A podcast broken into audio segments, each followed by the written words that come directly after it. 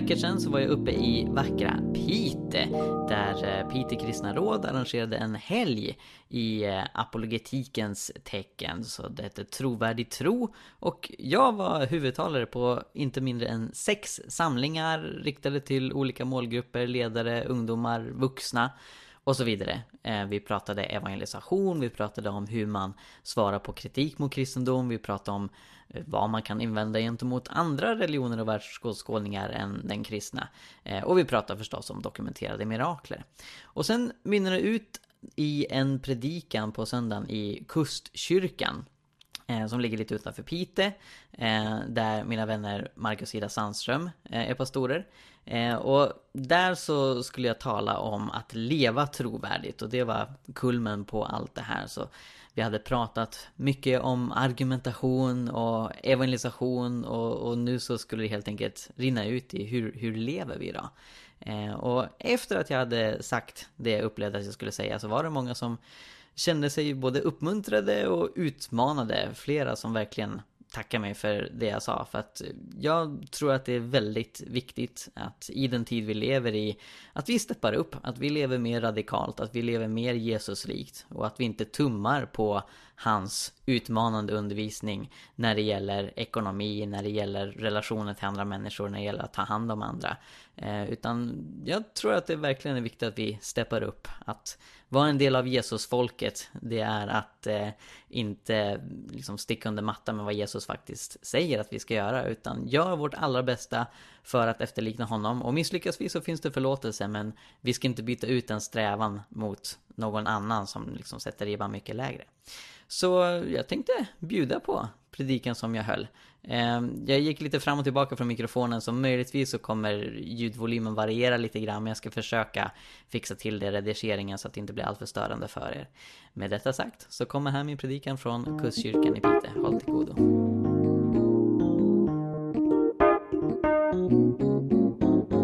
Hörni, jag är så tacksam till Gud och till er för att vi har fått göra den här helgen tillsammans. Jag tycker det har varit jätteroligt.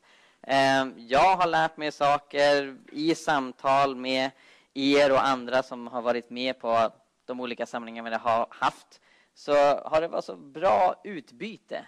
Och det är verkligen det församlingen handlar om. Att vi tillsammans lär oss mer om Gud och, och ökar liksom vårt lärjungaskap tillsammans. Och som Markus var inne på, det har varit mycket evangelisation, mirakler, apologetik. Fem samlingar har jag haft hittills och pratat på. Så igår kväll var jag trött. Och eh, jag har ju fått sova på Storstrand som en prins. Det var jätteskönt. Och så tänkte jag, ska jag kolla på någon film och slappna av? Och så såg jag på Facebook att min vän Lars Gunther, som är pastor i Missionskyrkan i Hästra, nere i söder, tipsade om en film eh, som handlar om en präst som åker till Kina och får den mystiska egenskapen att kunna förvandla sig till en dinosaurie. Och eh, den här prästen blir ganska förskräckt över det här. Men övertygas då av en kvinna att han ska använda sin egenskap att bli en velociraptor eh, till att bekämpa brott och ninjor. Filmen hette Velocipastor. Jag tittade inte på den. Eh, men eh, en film som eh, kanske har ett liknande upplägg, minus dinosauriebiten, och som har fått betydligt bättre recensioner än Velocipastor. Det är den här filmen The Two Popes. Är det någon som har sett den? Den har till och med fått lite Oscarsnomineringar nu. Eh, handlar om då Benedictus XVI och Franciscus. Och, eh, som jag har förstått det, jag har faktiskt inte sett den själv, men utifrån recensionerna så är det liksom en bild av eh, gammalt och nytt. Liksom Benedictus vill bevara traditionen och Franciscus kommer med, med nya idéer. Och det kanske finns ett korn av sanning i det. Men det som jag tycker är så intressant är att rent åsiktsmässigt så står den gamla påven och den nya påven väldigt nära varandra. Franciscus har ju blivit mer känd för att han betonar fred och miljö och rättvisa och han är de fattigas påve och så vidare. Och grejen är att Benedictus tyckte likadant angående de frågorna som Franciscus. Men han är inte känd för det, utan han ger ju då en, en, ett sken av sig att vara mer gammal och gaggig och liksom in, inte riktigt lika hipp som den nya påven. Vad är skillnaden? Jo, jag tror att skillnaden är att Franciscus gör enkla symbolhandlingar som visar att han med sina ord menar allvar. Så när han blev påve så, så blev han ganska uppmärksammad för att han inte hade ett guldkors om halsen utan ett järnkors istället. Han ville inte bo i det apostoliska palatset som är helt enormt. Jag och min fru åkte på bröllopsresa till Rom och såg det där. Helt gigantiskt. Franciscus säger nej. Han ville bo på ett gästhem tillsammans med munkar och nunnor där. Och det är ju liksom enkla handlingar, symbolhandlingar i grund och botten. Men som ger ett sånt enormt eko ut i världen. Och då skriver medierna, åh vi har en ny påve som har helt nya revolutionära idéer om att leva enkelt och hjälpa de fattiga. Trots att idéerna inte är nya. Men han klär idéerna i ord. Och det vi har pratat om under den här helgen, det är hur vår tro är trovärdig, att den är sann, att det finns goda, logiska, rationella skäl att säga att kristendomen är den sanna världsbilden. Och det har varit en hel del ord. Det har varit en hel del tankar, lite teorier. Jag menar, vi har gått in på allt ifrån medicin till eh, eh, kosmologi och, och, riktigt tunga ämnen. Och det jag skulle vilja tala om nu här idag, det är hur vi kan ta vår tro, som ibland blir väldigt abstrakt och idémässig, och klä den i handling för att den ska nå ut ännu mer till resten av världen. En person som har inspirerat mig, och det här har jag nämnt tidigare under helgen, väldigt mycket, det är Stefanus. Stefanus dyker upp i Apostlagärningarna kapitel 6 och sen så dör han i Apostlagärningarna kapitel 7. Så han har ingen lång biblisk karriär. Men han har gjort ett väldigt avtryck på mig. Det var nämligen så att i den första församlingen i Jerusalem, urförsamlingen, den apostoliska församlingen som alla andra församlingar kommer ifrån, så hade man eh, egendomsgemenskap för att hjälpa de fattiga, man evangeliserade varje dag, folk kom till tro varje dag, under och tecken skedde. Så det var mycket bra som hände där, men församlingen var inte felfri. Det visade sig att de som ansvarar för att administrera egendomsgemenskapen till änkorna, hjälpa de mest utsatta, de var rasister. Åtminstone ville de inte hjälpa de änkor som inte talade hebreiska. Och det här upptäcker apostlarna, blir rätt upprörda över detta och eh, ser till att byta ut eh, då personerna som skulle ansvara för detta. Eh, de övervägde att göra det själva men insåg att de är ganska upptagna med att predika och så vidare. Så sen säger de då i Apostlagärningarna kapitel 6, vers 3. Bröder, utse bland er sju män som har gott anseende och är uppfyllda av ande och vishet, så ger vi dem den uppgiften. Så kriteriet för att hjälpa de fattiga var att man skulle vara uppfylld av den heliga Ande. Och så gör de. De väljer sju stycken personer, där Stefanus är en av dem. Och Lukas som har skrivit Apostlagärningarna fortsätter med att säga i vers 8. Stefanus var fylld av nåd och kraft och gjorde stora tecken och under bland folket. Så Stefanus är fylld av den helige Ande. Och på grund av det så får han uppdraget att hjälpa de fattiga. Det är en väldigt andligt viktig uppgift enligt apostlarna.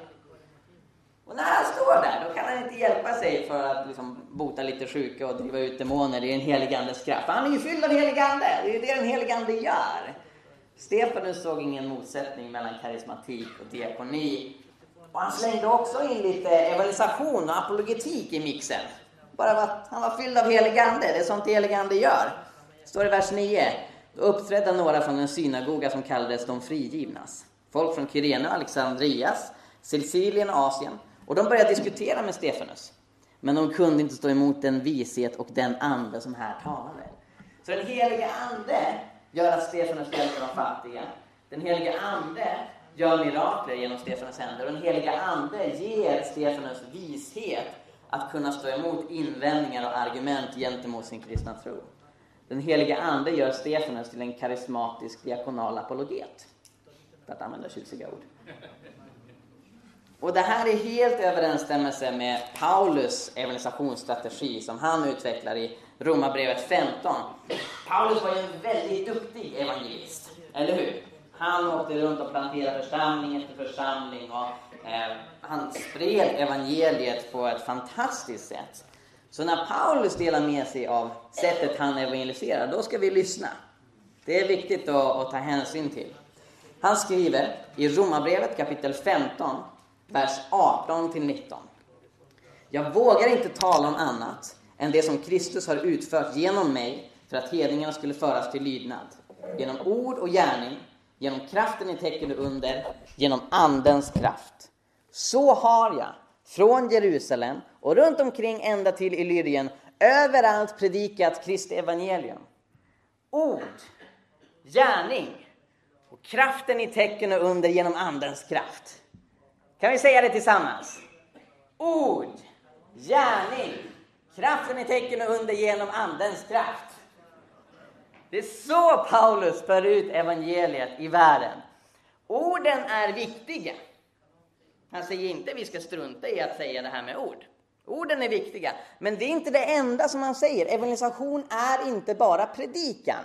Evangelisation är inte bara muntlig apologetik, att förklara och ge argument. Det är en del, men det är inte allt. Gärningarna finns där. Och den heliga Andes kraft, den heliga Ande som ger oss kraft både att säga och skriva sanningen från Gud, men också att leva ut sanningarna i vårt liv. Att evangelisera i gärning. Att visa människor att det finns en kärleksfull Gud som kan förvandla liv genom att själv uttrycka kärlek och ett förvandlat liv. Innebär det att vi är perfekta, syndfria? Nej, vi gör misstag. Men vi strävar efter att bli mer och mer lika Kristus. Dels för att det har ett fantastiskt egenvärde i sig själv. Jag menar, världen blir en bättre plats när vi gör gott. Men det vittnar också om vad evangeliet handlar om. Det vittnar om vem Jesus är. Och Jesus själv är förstås inne på detta. I sin fantastiska bergspredikan, Matteus 5, vers 14 till 16, så pratar Jesus precis om det här, att evangelisera i gärning. Han säger, ni är världens ljus. Inte kan en stad döljas som ligger på ett berg och inte heller tänder man ett ljus och sätter det under skeppan utan man sätter det på ljushållaren så att det lyser för alla i huset. Låt på samma sätt ert ljus lysa för människorna så att de ser era goda gärningar och prisar er fader i himlen. Så ni ser, det finns ingen motsättning mellan att vilja leva gott, värna om de svaga, värna om skapelsen och att predika evangeliet. För när vi gör gott så predikar vi evangeliet. Ord behövs också. Om, om min evangelisationsstrategi i kontrast till vad Paulus säger enbart vore att göra gärningar. Hur skulle jag då kunna kommunicera att det är Jesus det handlar om? För jag menar, göra goda gärningar kan vem som helst göra. Utan orden behövs för att visa, jag gör det här för att Jesus lever i mig. Men att bara köra på ord och inte bry sig om hur man lever, att tänka, nej men det spelar ingen roll, det är ju evangeliet som ska förkunnas med ord. Det är inte det Bibeln beskriver. Bibeln beskriver ett holistiskt sätt att förkunna evangeliet. Där evangeliet förkroppsligas. Där vi lever trovärdigt det hopp som har tilldelats oss. Och hur kan då det här se ut? I första Johannesbrevet kapitel 3 så tar Johannes upp precis den här aspekten av kristet lärjungaskap och kristen livsstil. Och han betonar verkligen hur viktigt det är att vi älskar varandra. Och att den kärleken är konkret. Inte bara muntlig, jag tycker om dig, även om det förstås har en viktig poäng. Men att det är en kärlek som tar hänsyn till andra människors behov och hjälper dem utifrån deras behov. Så i första Johannes kapitel 3, vers 14 till 18 så skriver Johannes så här. Vi vet att vi har gått över från döden till livet för att vi älskar bröderna. Den som inte älskar blir kvar i döden. Den som hatar sin broder är en mördare och ni vet att ingen mördare har evigt liv i sig. Genom att han gav sitt liv för oss har vi lärt känna kärleken. Och så också vi är skyldiga att ge vårt liv för våra bröder. Om någon har denna världens tillgångar och ser sin broder lida nöd, men stänger sitt hjärta för honom, hur kan då Guds kärlek förbli i honom? Kära barn, låt oss älska, inte med ord eller fraser, utan i handling och sanning. Sann kärlek är konkret. Sann kärlek tar sig uttryck att vi agerar för att hjälpa dem som vi ser lider. Nu, man kan tycka att Johannes är lite hård här. Den som hatar sin broder är en mördare.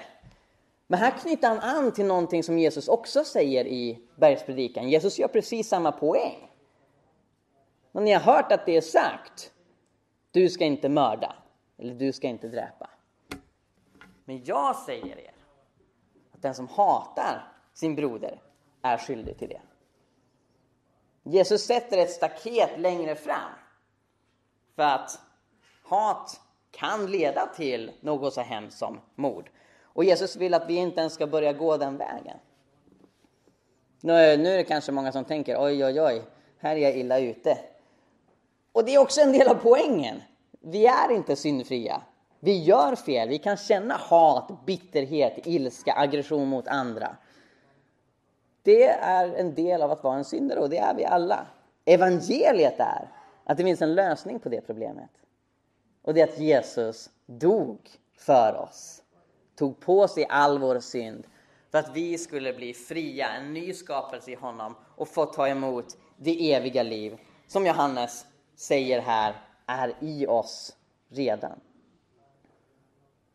Om någon har denna världens tillgångar och ser sin broder lida nöd men stänger sitt hjärta för honom, hur kan då Guds kärlek förbli i honom? Guds kärlek driver oss att dela med oss till dem som har mindre än oss själva. Om man har denna världens tillgångar och man själv slipper oroa sig för kommer jag svälta ihjäl imorgon. Och så vet man att vi har bröder och systrar som tänker just de tankarna. Då finns det en plikt, en skyldighet, talar Johannes här om, att dela med sig.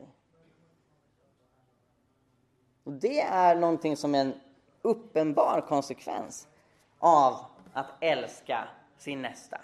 Något vi alla kan bli bättre på och något som den helige Ande vill hjälpa oss bli bättre på.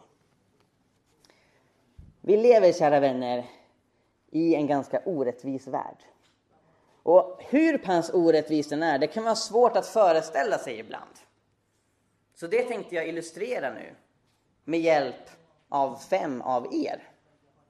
Så jag skulle behöva fem volontärer här framme, fem volontärer som eh, tycker om godis. Har vi fem stycken som gillar godis i det här rummet? Ja, underbart. En applåd för våra volontärer. Nu är det så här att ni fem är världens befolkning. Och i den här skålen så håller jag världens resurser. Stort ansvar. Och nu ska jag dela ut världens resurser till världens befolkning. Världens resurser består av eh, fem stycken chokladrutor. Nå, hur tycker ni att jag borde dela ut dessa fem chokladrutor till dessa fem personer? En var, okej, okay, intressant. Mycket intressant. Men eh, så pass utopiska och idealistiska ska vi inte vara här. Utan nu ska jag dela ut dessa resurser enligt samma proportioner som världens resurser är fördelade till världens befolkning. Så en till dig. Och en till till dig. Och en till till dig. Och en till alltså. Då får ni fyra dela på den här. Lycka till. Känner du dig bekväm med detta? Nej. Du gör inte det? Ja, du, du, är helt fri att distribuera det som, som du vill här. Strålande. Tack så mycket till våra volontärer. Det. Nej, men det är så här världen ser ut. 20 procent av världens befolkning konsumerar ungefär 80 procent av dess resurser. Eh, och ganska många svenskar befinner sig inom den 20 procenten. Det är ju vad vi ofta kallar för västvärlden, även om det finns också några oljeshejker och magnater i, i Asien och, och, Latinamerika också. Men eh, det, det, är så världen ser ut. Den är väldigt ojämlik, ganska extremt ojämlik. Och, och det blir liksom värre och värre liksom, ju, ju högre upp man kommer. Eh, och jag tror de flesta av oss känner att här är någonting inte rätt. Man måste liksom inte bli stalinist, kommunist för att liksom känna att det här är något som inte stämmer. Det skulle kunna se bättre ut. Och Bibeln är inne på precis det. Lukas 3, vers 11, där säger Johannes stöparen, den som har två tröjor ska dela med sig till den som ingen har. Den som har mat ska göra på samma sätt. I Andra Korinthierbrevet 8, vers 13 till 15, så talar Paulus om att syftet med att ge till de fattiga är att det ska bli lika för alla. Nå, var Paulus leninist, kommunist, marxist? Nej, det var han inte. Man förstår vad som är gott, vad som är rätt, att vi ska sträva efter rättvisa. Och inte nog med att vi då i västvärlden, eh, som den kallas, konsumerar väldigt många resurser och att det i sig leder till brist. Det finns ju också förstås en miljöaspekt av det hela. Världsnaturfonden har räknat ut att om alla människor på jorden hade den svenska livsstilen, den typiska medelsvensson-livsstilen, så skulle det krävas fyra jordklot för att producera tillräckligt med resurser. Och det innebär ju att om vi liksom håller fast vid den typen av livsstil så kommer resten av världen inte komma upp till samma nivå som, som vi har oftast här i Sverige. Vår rikedom förutsätter andras fattigdom. Och det är en fattigdom som är dödlig. Så man räknar med att ungefär 15 000 barn dör av fattigdomsrelaterade orsaker varje dag. Det var inte så Gud tänkte sig i världen från början. Det är inte så Gud vill ha det. Man kallar oss, utmanar oss till att leva på ett annat sätt, leva enklare, generösare för att kunna hjälpa andra. Det är konkret kärlek. Det är att klä evangeliet i gärningar. Jakob, Jesus egen bror, har skrivit ett fantastiskt brev som finns i Bibeln, som jag älskar att läsa. Och han skriver så här i Jakobsbrevet 2, vers 14-17. Mina bröder, vad hjälper det om någon påstår sig ha tro men saknar gärningar? Kan väl en sån tro frälsa någon? Om en broder eller syster inte har kläder och saknar mat för dagen och någon av er säger till dem, gå i frid, klä er varmt, ät er mätta, men inte ger dem vad kroppen behöver. Vad hjälper det? Så är också tron i sig själv död när den är utan gärningar. Och vissa har uppfattat detta som att Jakob är någon slags polemik mot Paulus för att Paulus betonar att det är genom tron vi är frälsta, inte genom gärningar. Men jag tror att de håller med varandra. Paulus säger också att tron behöver uttrycka sig i kärlek i Galaterbrevet 5, vers 6. Och det är precis det som, som Jakob är inne på här. Ja, det är tron som frälser oss. Och när vi har tagit emot den tron, hur ser den ut? Jo, den uttrycker sig i gärningar. Gärningar som att be, gärningar som att läsa Bibeln, Gärningar som att finnas med i en kristen gemenskap, men också gärningar att mätta de hungriga, klä de nakna, hjälpa de fattiga. Bibeln talar också om att eh, välkomna och hjälpa flyktingen och, och främlingen. Jesus säger det i Matteus 25. Jag var främling och ni tog emot mig. Ordet för främling där, xeno på grekiska, är samma ord som för invandrare. Bibeln betonar att hjälpa de som är hemlösa, Bibeln betonar gästfrihet. Människor som är ensamma, människor som utsätts för förtryck, människor som utsätts för våld. Och det är uppenbart att vi lever i en sån värld. Det kan vara långt borta, det kan vara väldigt nära. Och vår kallelse som kristna är självklar. Vi ska sträva efter Kristuslikhet och vi ska ta vårt ansvar om vi själva har det vi behöver, har vårt på det torra att dela med oss för att hjälpa andra. Jakob säger dessutom i sitt brev i kapitel 1, vers 27 att det är sann gudstjänst. det är sann tillbedjan. Tillbedjan är också att prisa Gud i sång och bön, absolut. Och Jakob pekar på en ytterligare dimension. Gudstjänst, att tjäna Gud, det är också att hjälpa faderlösa änkor, skriver han där. Vi har pratat mycket om apologetik, att försvara den kristna tron. Och jag har flera gånger under helgen citerat första Petrusbrevet, kapitel 3, vers 15-16. Där Petrus beskriver just apologia, att svara dem som kräver att vi förklarar det hopp vi äger. Det han säger där är att det måste ske i ödmjukhet och respekt. För att de som talar illa om vår livsföring i Kristus får skämmas för sitt förtal. För Petrus är det självklart att ja, vi ska kunna svara på invändningar som kommer, vare sig det kommer från ateister, muslimer, new eller vem som helst annars. Vi ska träna oss i apologetik, träna oss i argument för den kristna tron. Och när vi förmedlar dem så ska vi göra det på ett gott, respektfullt och ödmjukt sätt. För att våra liv talar också starkt om vem vi tror på. Och det saknas inte människor som anklagar kristna för en illa livsföring. Och ibland har de rätt. Ibland har jag kommit på mig själv och sett andra som i en iver att föra ut evangeliet och berätta för ateister hur fel de har blir rätt oartiga och blir rätt aggressiva. Och hur god kvalitet ens argument ens har då, så det den personen kommer få med sig är usch och fy, vad otrevlig den där kristna tölpen var. Då har man inte lyckats med sin evangelisation och med sin apologetik. Det behöver kläs i gärning också.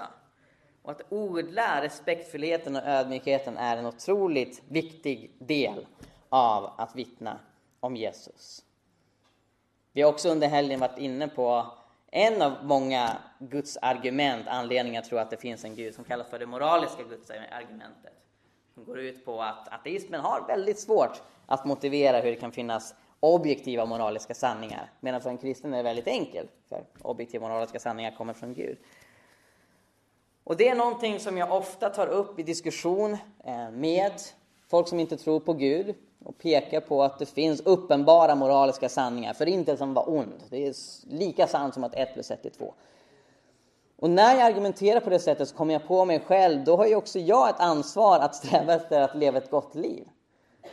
Om jag menar att jag har fått ett hum om vad ett gott, rättframt liv är, och det menar jag ju, för jag tror att Bibeln är Guds ord, då behöver jag också kämpa för att sträva efter det och leva ut det.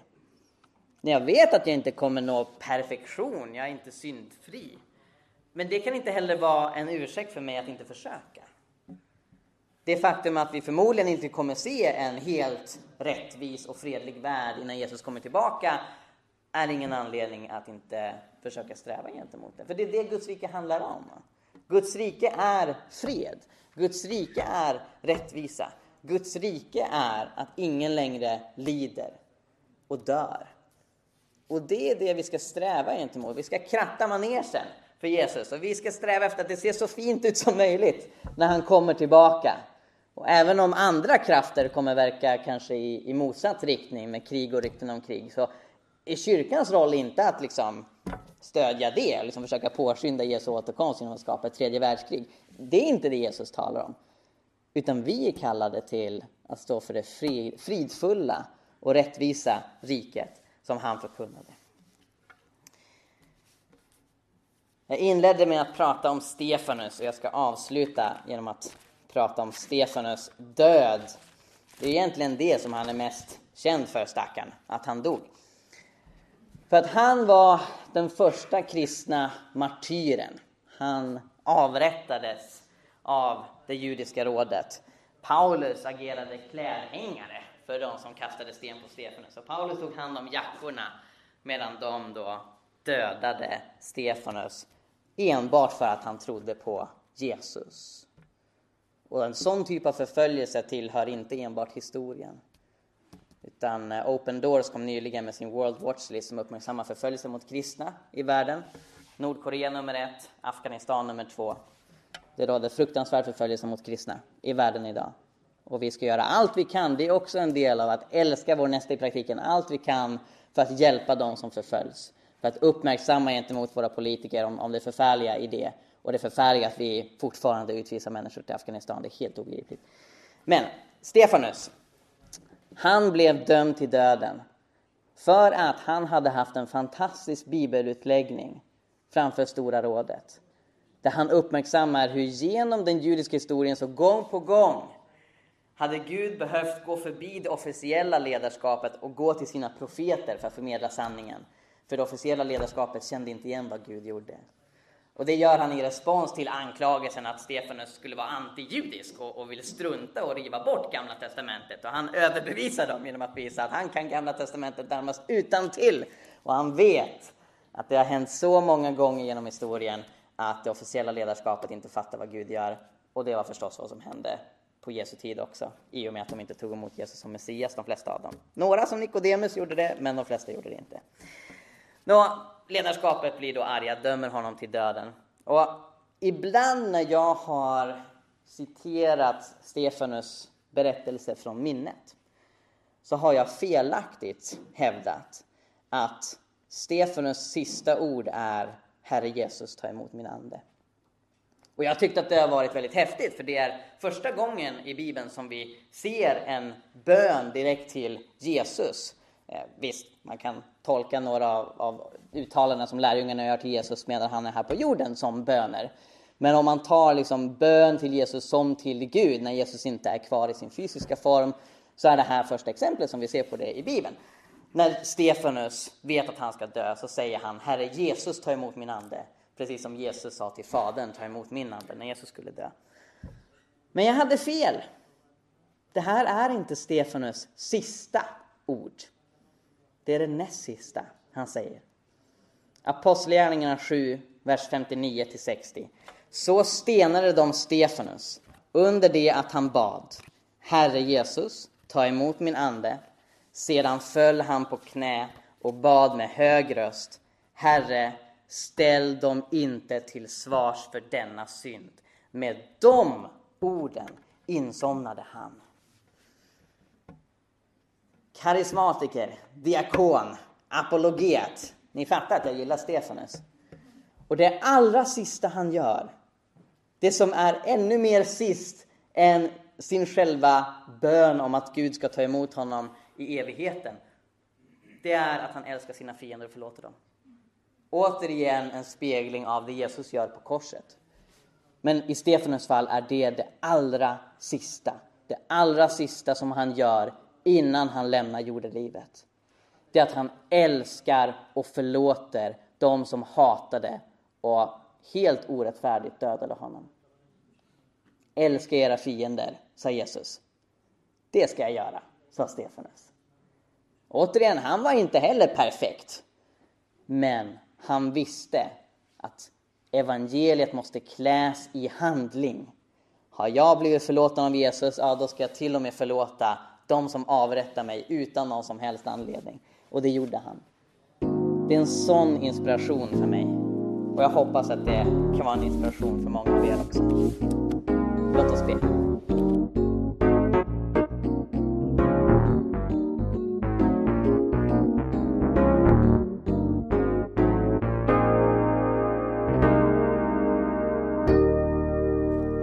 Att du lyssnar på Jesusfolket. Om du vill höra mer så se till att prenumerera på iTunes, Spotify eller valfri podcastapp. Du kan också lämna en recension, vilket är en eh, liten grej att göra som hjälper oss väldigt, väldigt mycket, så det uppskattar vi verkligen. Ehm, du kan också läsa vår blogg, Hela Pingsten. Vi har mängder med artiklar där om andens gåvor, evangelisation, fred, rättvisa och allt möjligt annat som har med lärjungaskap att göra, så kolla in det. Och vi finns på sociala medier, du kan följa både Jesusfolket och hela pingsten på till exempel Facebook. Tack så mycket, Gud välsigne dig och eh, fortsätt vara en del av Jesusfolket.